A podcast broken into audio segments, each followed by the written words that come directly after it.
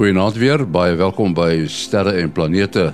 Ons span vanaand bestaan uit Jim Adams daar in Maryland in Amerika en dan het ons vir uh, professor Mati Hofman in Bloemfontein. Ons gaan eers luister na Kobus Olkers en ruimte en weernuus. Kobus. Goeienaand en goeienaand luisteraars. Ja, kom ons kyk 'n bietjie wat het die son hierdie week vir ons. Daar's 'n groot redelike groot uh, komplekse magnetiese area op die uh kant van die son wat na die aarde toe wys. Hy's in 'n geo-effektiewe effektiewe posisie. Maar ehm um, hy is uh hy's nie so vreeslik kompleks nie. Hy's baie baie mooi diepel om die waarheid te sê. En dit lyk nie vir my asof ons enige probleme gaan hê met hom nie. Ehm um, hy lyk maar net mooi as 'n mens nou om kyk op die oomblik. Dan is daar 'n enetjie wat nou so pas oor die rand van die kom ge son gekom het. Hy uh, lyk vir my asof hy dalk kan kompleks raak. Ehm um, hy's hoofsaaklik noord georiënteer en dan is daar so so 'n suidpool wat so deur hom probeer wrimmel. Dis die soort van ding wat gewoonlik vir ons kan korona massa uitbarstings gee. Ehm um, hy sal in elk geval nie binne die volgende week ge uh, geo-effektief raak nie, maar as hy wel 'n uh, uitbarsting het, sal ons die ekstra weergawe daarvan kry en ons ionosfeer sal dit weet met 'n stampie of twee van sy kant af. Ehm um, dan wat filamente betref, sit hulle sommer so soos golwe in 'n ry op die son op hierdie stadium. Dit lyk 'n bietjie onstabiel hier in die geo-effektiewe effektiewe areas en ek verwag dat ons een of ander fakkel gaan sien uh, met filament wat op gaan platval of gaan loskom van die son af. En dan natuurlik het ons ons uh, koronagaatjies. Daar is uh, 'n kleintjie wat geo-effektief is wat uh, eintlik geen effek op ons boorte het nie. Dan is daar 'n effens groter een. Ehm um, hy is nou so uh, op pad na die na die middel van die son toe na die senterlyn van die son uit en ehm um, hy kan later hierdie week vir ons 'n bietjie 'n sonwind gee. Sy magnetiese oriëntasie lyk vir my hoofsaaklik uh, gesond vir ons. So ek glo nie ons gaan 'n probleem daar hê nie. En dan al wat nog oorbly is uh, die die uh, sonvlekkies wat kom. Ek sien daar's nog een so oor, oor die ehm um, nog so oor die horison van die son aan die agterkant. Hy sal so binne die volgende paar dae gaan hy ook oor die rand verskyn en dan sal ons maar sien hoe lyk hy en dan hoe of hy kompleks is of nie sal ons maar met volgende week moet moet sien. Nou ja, dit is ons storie vir hierdie week. Uh, geen groot probleme wat ons voorsien nie. Goeienaand almal. Soos gewoonlik Kobus Olkers op sy pos daar in Florida in Amerika met ruimte weer nuus. Ons span vanaand is uh, Jim Adams daar in Maryland in die FSA. Goeienaand Jim. Goeienaand, Penny. En dan natuurlik uh, professor Mati Hofman in Bloemfontein, 'n baie koue Bloemfontein neem ek aan. Uh, Naand Mati. Uh Naand Henny, ja, ek kon die week nou die eerste keer uh iets in my motor die ryp skryf net om uh, te sien dit is nie meer dou nie, dit is nou ryp. Ehm um, uh, nou ons huis is taamlik hoog geleë, so daar's ander plekke wat nou al heelwat vroeër ryp gehad het. Uh nou op die stadium het die tuine daarom nog nie te seer gekry nie, maar ons weet dit gaan kom en dan moet dit maar net oorleef. Ja. Right, uh, we we are going to talk about an interesting subject and that is prioritizing uh, space missions. Uh, how do you do that? That must be quite a quite a, a job, isn't it, Jim? Well, even just in the United States, it's quite a job. But if you think about space exploration, it's really planet Earth that's exploring our solar system and the worlds beyond. And so, um, yeah, it is. It's a huge undertaking. Um, countries that want to coordinate with other countries and partnerships and maybe a little competition. And so, yeah, so this is a great topic to talk about this week. I want to ask you, uh, what about duplication? Yeah, yeah. Well, you know, these missions are so expensive that generally speaking, countries try not to duplicate, but complement. And so, as an example, you know, we might say, well, we're we're going to launch this observer to Mars, uh, Maven, and but we don't have the ability to measure certain qualities of the of the gases in the atmosphere. And so Europe will uh, came alongside and they said, well, we've been wanting to launch, uh, use some of the technology we've been using here in orbit around Earth at Mars, and so we will fill that gap for the broader science community. And and then what happens then when that happen when they do that? There's missions that that get launched, and so the European Trace Gas Orbiter um, was an answer to that. But scientists around the world then get to share in all of that data. So um, you get the collective brain power of everybody uh, working on these missions and trying to understand the nuances of the science around the different planets and, and across the solar system. Jim, uh, can I ask you? Uh, you mentioned uh, the missions are very expensive. Can you uh, demonstrate that with a few examples of uh, of say yeah. a mission just around the Earth, putting a satellite, uh, Earth observing satellite in orbit around the Earth, and operating that for say ten years, compared to mission to Mars.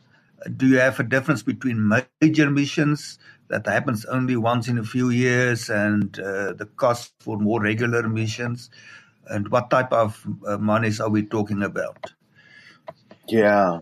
So uh, let's just start with planetary science. So without the comparison to the Earth missions, there's there's three classes of missions um, in planetary science, and you know they were originally called small, medium, and large, which wasn't very um, innovative, and so um, the community came up with Discovery class missions, New Frontiers class missions, and flagship missions.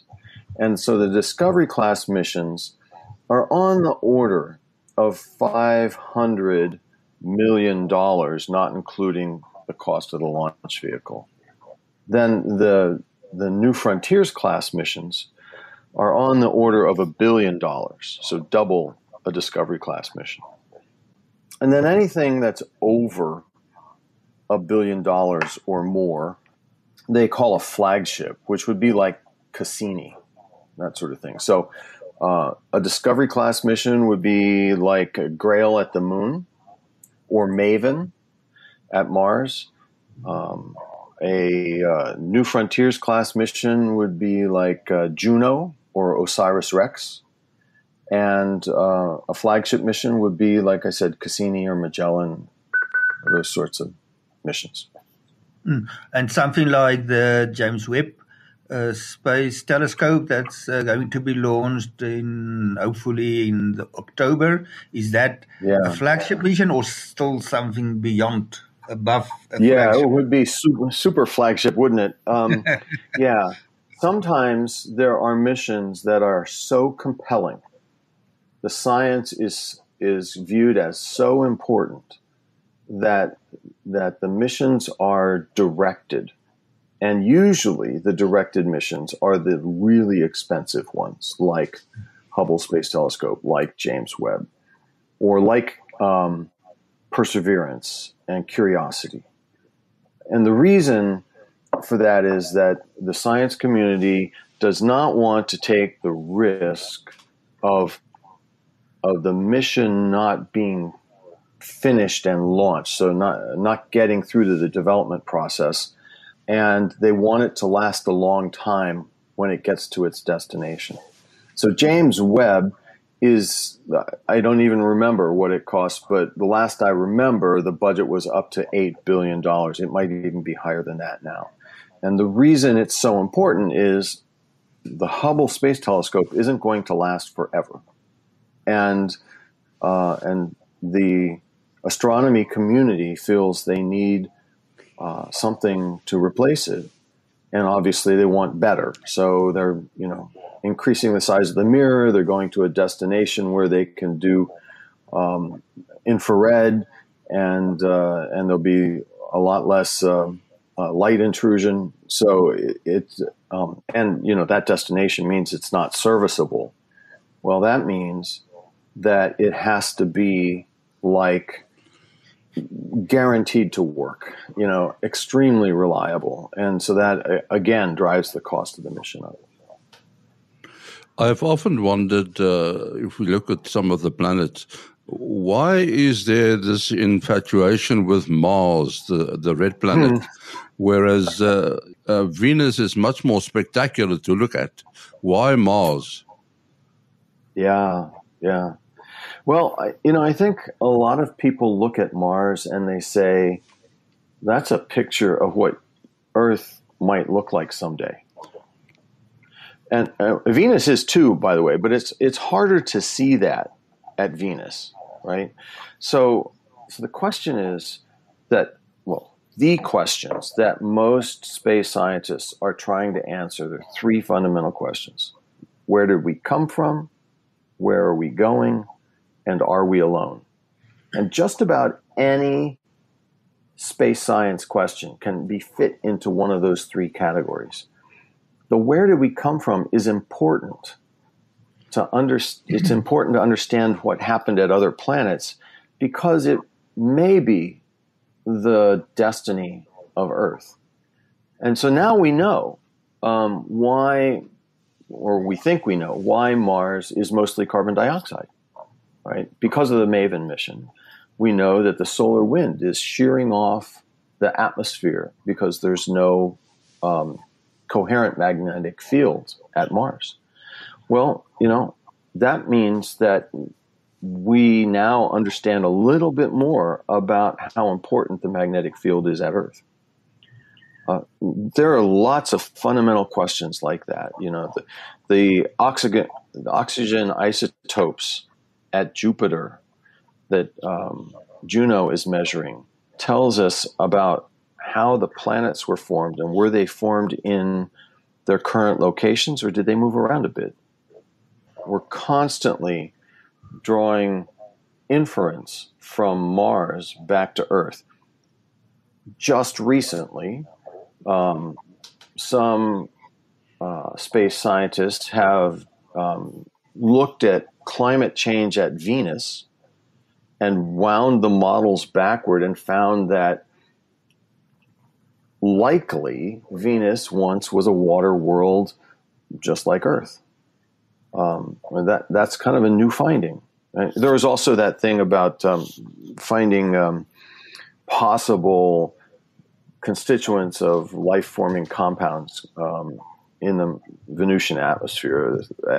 Currently, that's up for debate, but but the other, the modeling of what Venus was like a few million years ago, uh, was important because now it tells us a little bit more about what has happened in our solar system and may enable us to help us understand, again, like I said, the destiny of Earth.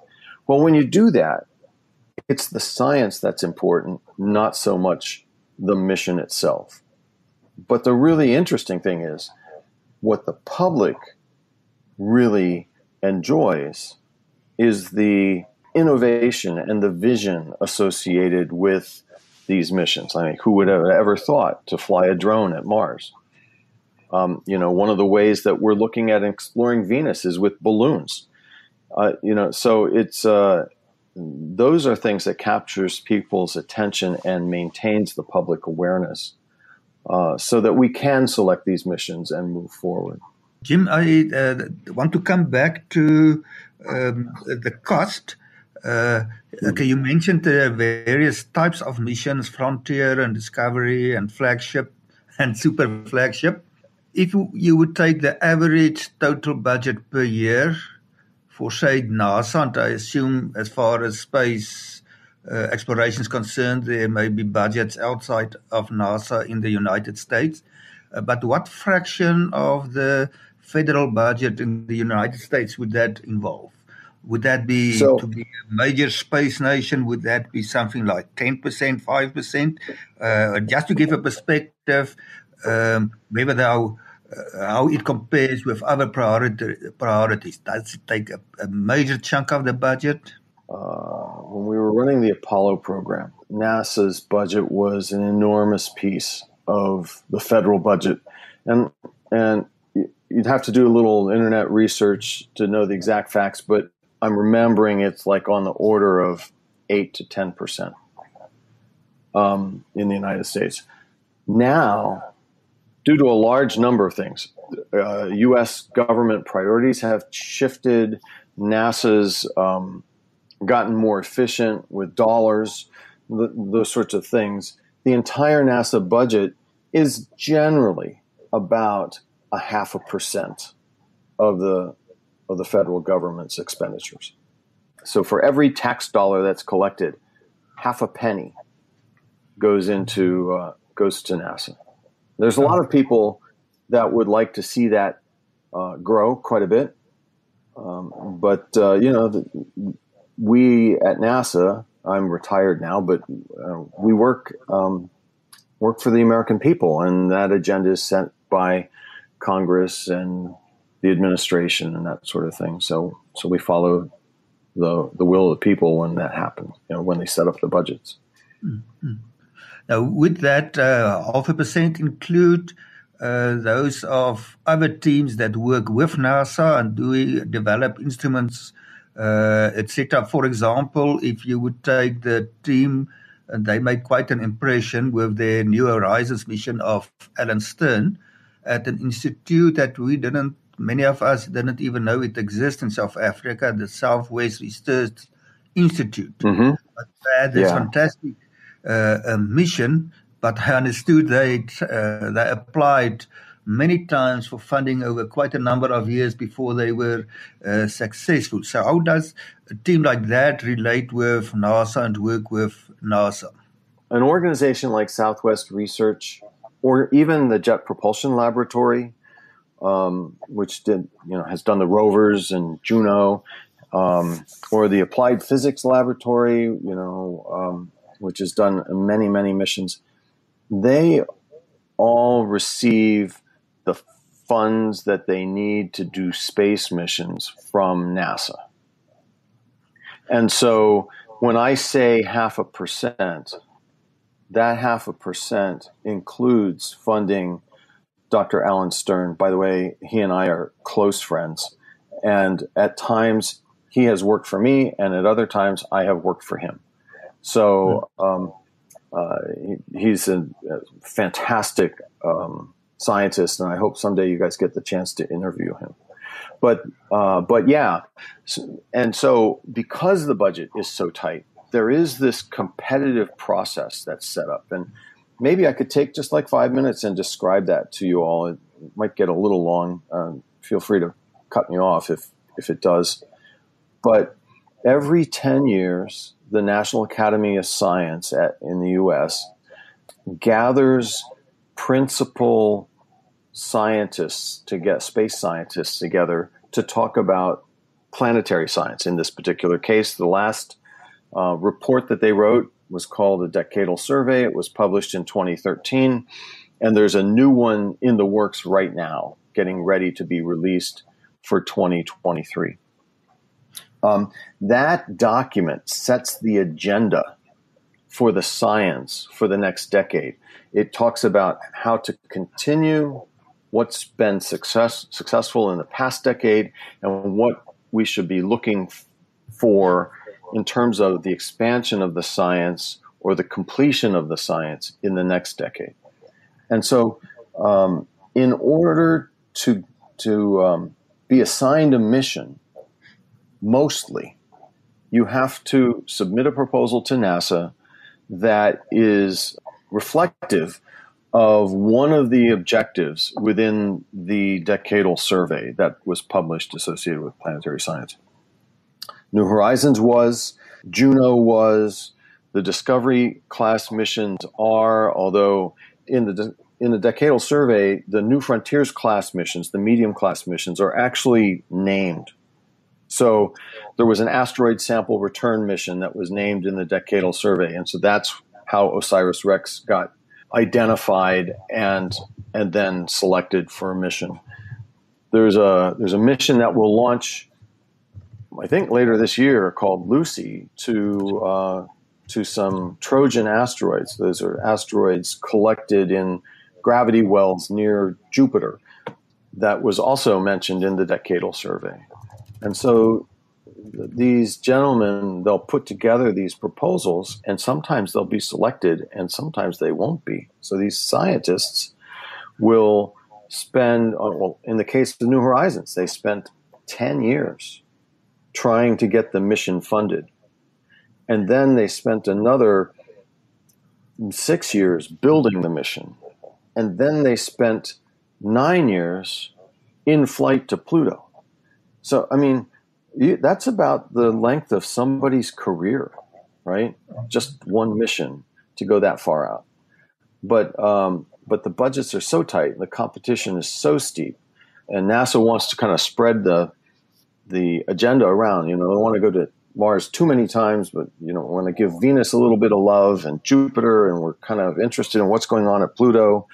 And of course, one of the compelling reasons to go to Pluto when we did was Pluto is moving away from the sun, and they were concerned that if there was any atmosphere at Pluto, that it would start to condense and then rain down on the surface, and we'd miss the chance to to do classic spectroscopy uh, of the uh, of the atmosphere. There's that. There's this competitive process that uh, NASA goes through, and that's why it takes these institutions so long. But if you hear of a NASA science mission, it's funded by NASA out of that half a percent um, of the federal budget. Amazing. There are other agencies. There are other agencies in the U.S. that fund space science, but it's mostly operational things like uh, weather forecasting and oceans monitoring, and and of course the D- Department of Defense. Jim, I've uh, also wondered isn't there room for a, a, body like the United Nations, but in this case, United Space Nations? Mm-hmm. And there is. And there's a group that meets every year uh, in Vienna, Austria.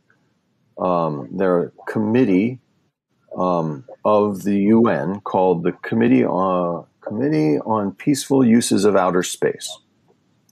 And there they make um, joint resolutions, they make agreements and partnerships, they bring uh, disagreements about things together.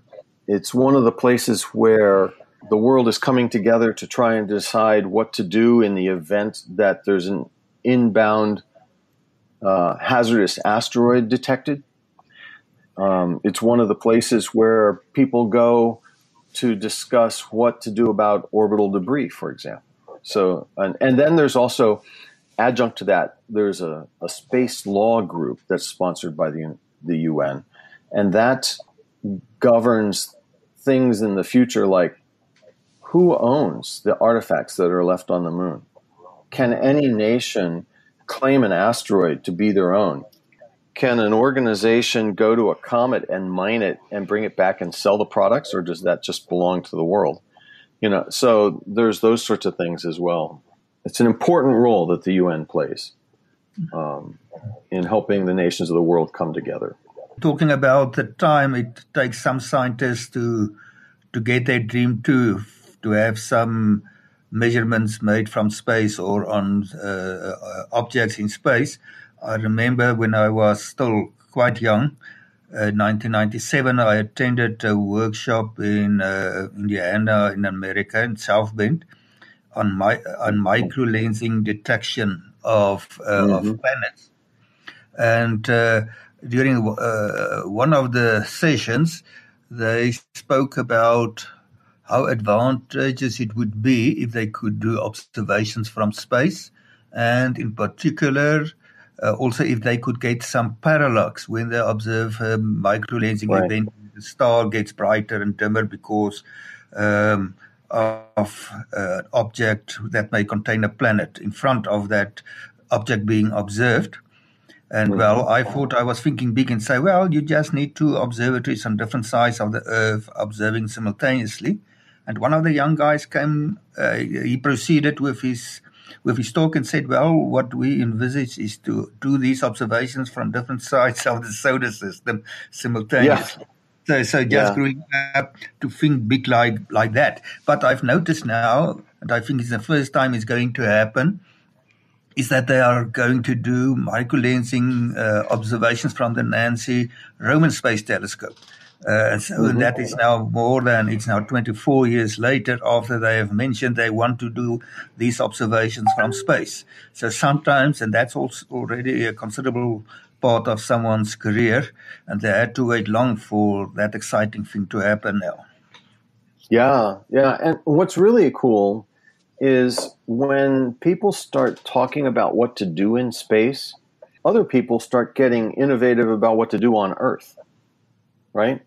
Mm-hmm. And so um, it kind of stimulates innovation all the way around. When when a science agenda is set by the National Academy of Science that says we want to follow the water on Mars because we need to understand what happened to the climate on Mars.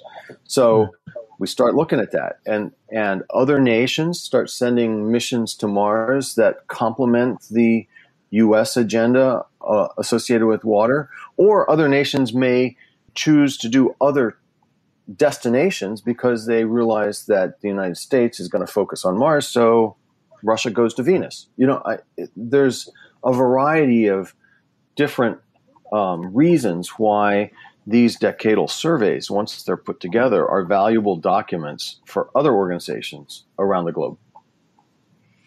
Right, we have to stop there. Jim, if somebody wants to communicate with you, it's via the Facebook group. Always a pleasure. Happy to answer questions on the Facebook group. That's uh, uh, RSG, Stira and Planeta on Facebook. that's right. Did I, did I, pronounce it right? Uh, I think yeah, I got it right. Yeah, that's right. uh, Martie, jou besonderhede? Selfoonnommer 0836257154. 0836257154. En dan die program se e-posadres sterreplanete@gmail.com. sterreplanete@gmail.com. Volgende week is ons terug. Tot dan.